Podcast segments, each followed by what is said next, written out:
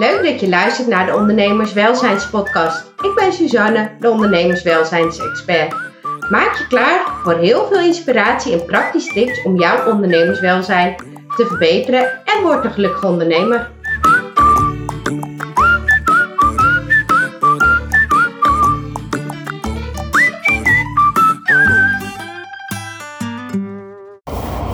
Welkom bij weer een nieuwe podcast. Deze podcast is waarschijnlijk uh, iets anders. Maar ik kan het deze week maar over één ding hebben. En dat is eigenlijk het verlies van trekpaard Jos. Dus jij misschien denkt, trekpaard Jos, wie is dat? Wat is dat? Vertel. Nou, trekpaard Jos is dus een paard, um, Belgisch trekpaard, heel groot paard. Van, uh, we hebben ooit op de weegschaal gehad, 900 kilo. En toen ik een jaartje of 18 was, nee 17 was het, toen vond ik eigenlijk het uitgaan veel leuker dan de paardrijden. Want gaat, als je wedstrijden wil rijden, gaat er best wel wat tijd in zitten. Ja, en dan zijn die wedstrijden meestal op zondag. En dan zat ik brak op mijn pony. En waarop ouders zeiden, ja, hallo, dit is niet de bedoeling. Jij mag best van ons op wedstrijd. Maar dan willen we niet dat je zo brak op de pony zit. Wat ga je dan doen? In de puberteit, ik mijn pony verkocht. Ik denk, ja, ik ben maar één keer jong. Ik, ik leefde op kant voor het uitgaan. Was voor mij het allerbelangrijkste op dat moment. Dus ja, zo gezegd, zo gedaan. Pony verkocht. En ja, ik blijf toch een paardenmeisje. Dus ik miste het paardrijden ook wel. Nu kon ik gelukkig vaak nog op mijn zusje de pony. Maar toen ik 18 was en uh, geslaagd was voor het ateneum, toen uh, mocht ik een paard cadeau.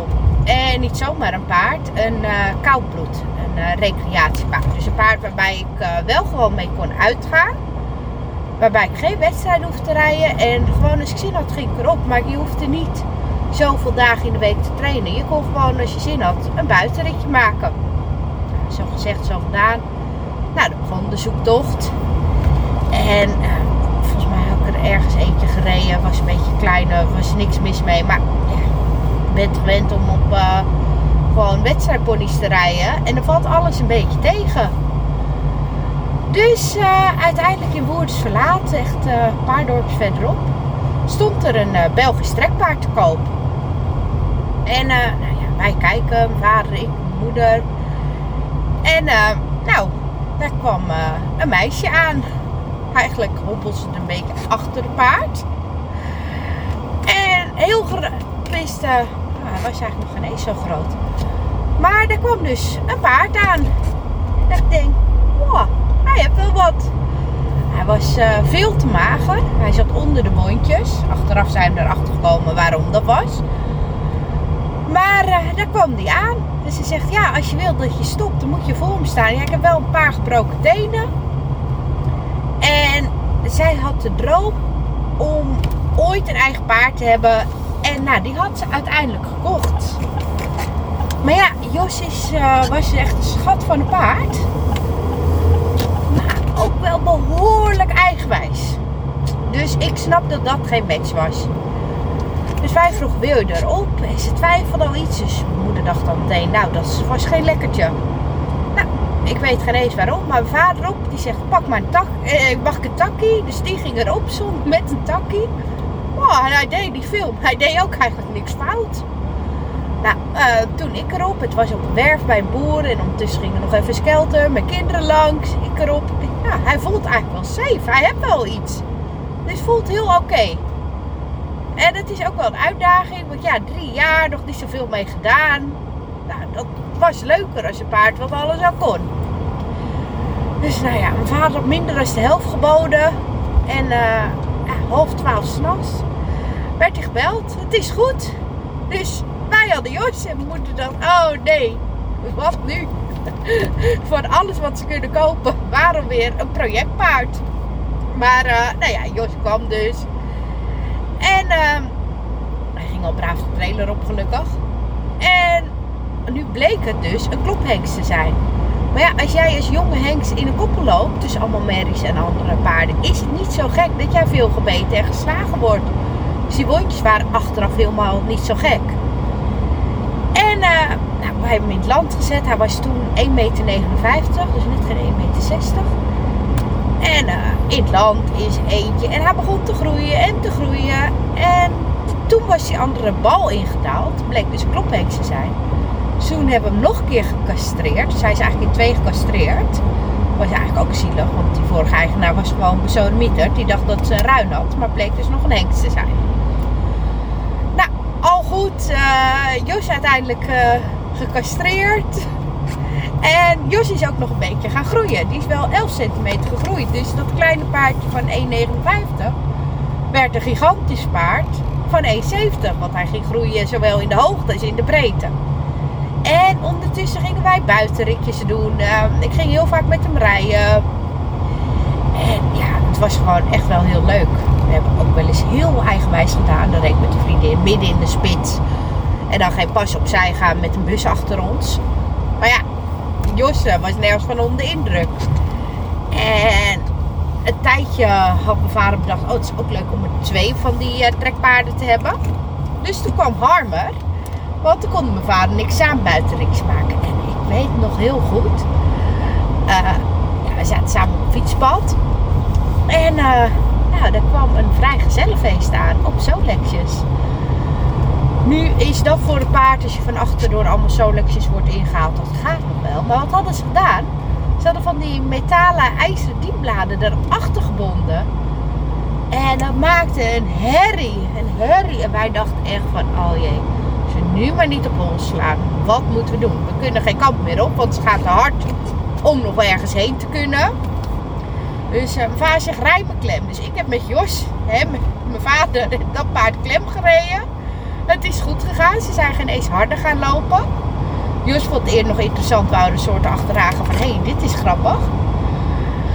Maar dat is goed gegaan. En toen dachten we wel, dat was een van de momenten dat we dachten, wat is dit bijzonder. Elk ander paard hadden we hol geslagen. Misschien geen eens na kunnen vertellen. Maar dit is gewoon heel goed, heel relaxed gegaan.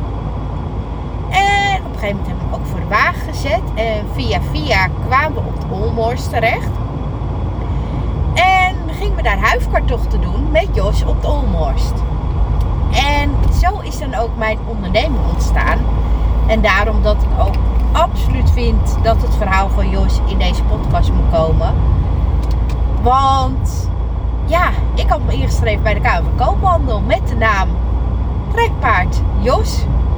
Ja, het was een Nederlands trekpaard op papier. Dus voor mij als paardenmeisje klonk het natuurlijk heel logisch. Voor andere mensen wat minder. Maar ja, die ja, naam is altijd blijven hangen. Dus goed of niet, hij bleef wel hangen. En zo is op 1 maart 2010 is mijn onderneming dus begonnen. Dat is dus alweer een van de dingen die ik aan Jos heb te danken. En hij heeft echt duizenden rondjes op de Olmorst gelopen. Uh, omdat hij van die grote dikke benen had, moesten we altijd zijn benen spoelen in het zoute water op het strand. En als we dan uh, gereden hadden, dan gingen we op het terras bij Langeveld Slag nog even wat drinken. En dan liet we hem zo op het pad staan. En hij bleef ook staan. En altijd mensen een beetje verontwaardigd. Wie laat nu zijn paard achter? Zijn paard nu in de steek gelaten? Maar je kon gewoon 20 meter verder gaan zitten. En dan bleef hij gewoon staan. Dat was Jos. En ook heel veel mensen op het strand zeiden: Hé, hey, is dat Jos? En op de Olmors duizenden foto's gemaakt. Duizenden kinderen hebben hem geaaid. Hij heeft daar duizenden rondjes gelopen. Uh, hij stond bij ons midden in het dorp. En ja, normaal gesproken staat daar een paard. Maar ook bijna heel het dorp wist dat hij Jos heette. En het was gewoon een paard wat je bijblijft. Hij was natuurlijk groot en imposant. Maar tegelijkertijd had hij iets ontzettend liefs over hem. Terwijl hij ook eigenlijk stront eigenwijs was. Want als mijn vader dan een keer een weekendje weg was, dan luisterde hij eigenlijk maar net aan. Want hij had maar één baas. En dat was mijn vader. Als je naar één iemand goed kon luisteren, was het mijn vader. Zelfs als hij dan hij stond op een dijk en moest hij van de dijk naar beneden lopen. En zei mijn vader voorzichtig, voorzichtig, Jos voorzichtig. En dan ging hij ook echt hele mini muizenstapjes maken. Maar als ik zei Jos voorzichtig, dan keek hij maar wat bedoel jij nu? Want hij wist het wel. Maar ja, ik was niet mijn vader. En in het voorjaar ook, dan voelde hij zich wel eens sterk en groot. En dan uh, kon hij wel eens bijna op je afkomen. En geloof me, als een paard van 900 kilo op je afkomt in een flink tempo, dan trilt heel de grond. Dat is niet zo'n fijn idee. Ik ben niet bang voor paarden, maar dat was best spannend. En dan als hij net bij je was, als je hem dan bijna te pakken had, dan gaf hij een geel, een soort hoge hinnik in één keer. En een bok. En dat trilde de grond. Dat was nog een partij eng. Dat was ook Jos. Dus aan de ene kant was hij ontzettend vriendelijk, goedig. Maar aan de andere kant had hij ook een beetje rotgaantjes, zoals we het noemden. En als je bijvoorbeeld een muts op had, was een keer ook op de Olmors dat kind een muts op met van die uh, plopsoren, gebouwd plop.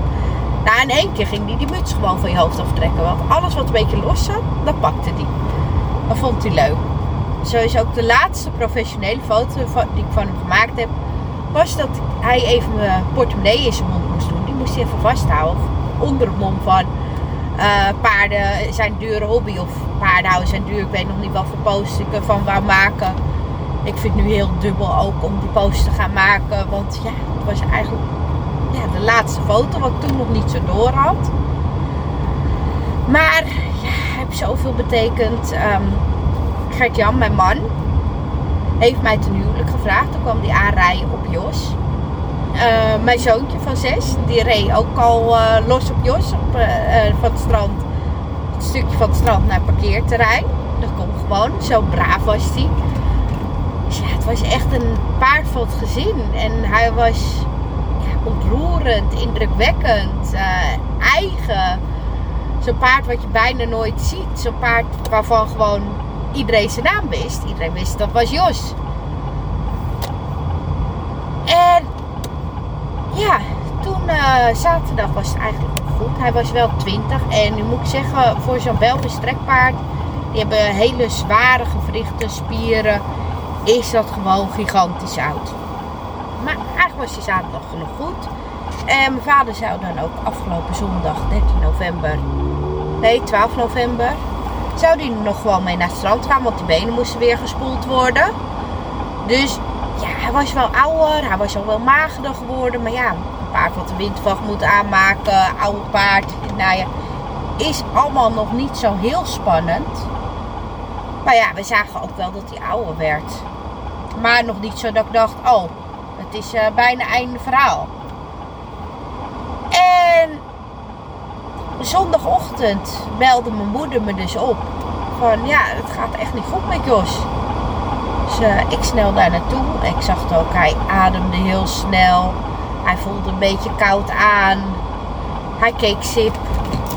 Dus ja, je wist gewoon, dit is niet goed. Dus nou ja, naar mijn ouders gaan, met z'n allen wachten op de dierenarts. Uh, ik was erbij, mijn moeder, mijn vader, iedereen ja, die gek op hem was, was erbij. En nou, er waren eigenlijk die gek, er waren nog veel meer mensen super gek op hem. Maar ja, om nu eh, 100 mensen rond te hebben is ook een beetje wat. En ja, toen is toch de beslissing gemaakt. Zijn hart ging gewoon veel te snel. Die was veel te hard aan het pompen. Zijn longen klonken goed. Ja, wat moet je? Dus we hadden echt zoiets van: het laatste wat we willen is dat hij moet lijden. Dus hebben hem toen laten inslapen. Dus je wordt ochtends wakker, je weet nog van niks. En opeens sta je daar hoor je, het is einde verhaal. Dus nou ja, dan schiet je wel vol. En het meest bijzondere was dat op het moment dat ik volschoot, omdat ik wist, hij gaat dood. We gaan hem zo laten inslapen. Toen legde hij nog even zijn hoofd op mijn schouder. Om een soort te troosten. Dat ik denk, hoe dan? Ik moet jou troosten. dus het enige wat ik daarna heb gedaan is gewoon aaien. Uh, zeggen het is goed. Dankjewel voor alles. En het is goed, je mag gaan.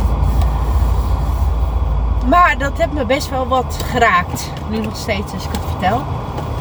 En ik denk dat het me ook blijft raken. Aan de andere kant is heel mooi hoe die gewoon in liefde gegaan is. En ja, dat was dus het verhaal van Jos. Weet zeker dat ik nog honderdduizend dingen vergeten ben te vertellen. En ja, nu het bruggetje naar het ondernemerswelzijn. Want ja, mijn onderneming kan nog zo goed draaien. Het kan nog zoveel geld opbrengen. Het kan nog zo leuk zijn. Eh, het kan genoeg vrije tijd opleveren. Maar als je zoiets gebeurt, dan lukt even niets. Tenminste bij mij niet. Dus ik was gewoon volledig van de kaart. En ik heb echt inderdaad, um, ja, gewoon even een paar dagen niet kunnen werken. Ik heb het wel geprobeerd, maar ik kreeg gewoon geen werk uit handen. En dat zijn ook dingen die je als ondernemer meemaakt. Er gebeuren dingen in je privéleven die je zakelijk raken. Heeft in principe niks direct met um, ondernemerswelzijn te maken. Maar het zijn wel zaken waar je mee te maken hebt. En hoe fijn is het als je onderneming zo hebt ingebouwd. Dat je ook daadwerkelijk even de rust kan nemen. Kan rouwen, verdriet kan hebben. Um, misschien in andere situaties ziek kan zijn. Om gewoon die rust te pakken terwijl je onderneming doorloopt. Terwijl eigenlijk alles gewoon doorloopt. Dat er ook een stuk inkomen is wat gewoon gegarandeerd is. Ook al werk je eventjes niet. En dat stukje ondernemerswelzijn. Maar ja, eigenlijk vind ik gewoon het belangrijkste om Jos te benoemen. En om hem te bedanken. Want mijn ondernemersavontuur is echt wel met hem begonnen. En ik heb ook andere paarden. Maar heel eerlijk, niemand was zo uniek als hem. En niemand zou zoveel indruk maken op zoveel mensen als hem. Dus ik vond het gewoon, vind het ontzettend belangrijk om een podcast over hem op te nemen. Om hem te herinneren, om zijn verhaal te vertellen. En ja, ik hoop dat ik andere, ja, dat je dit gewoon een mooi verhaal vindt.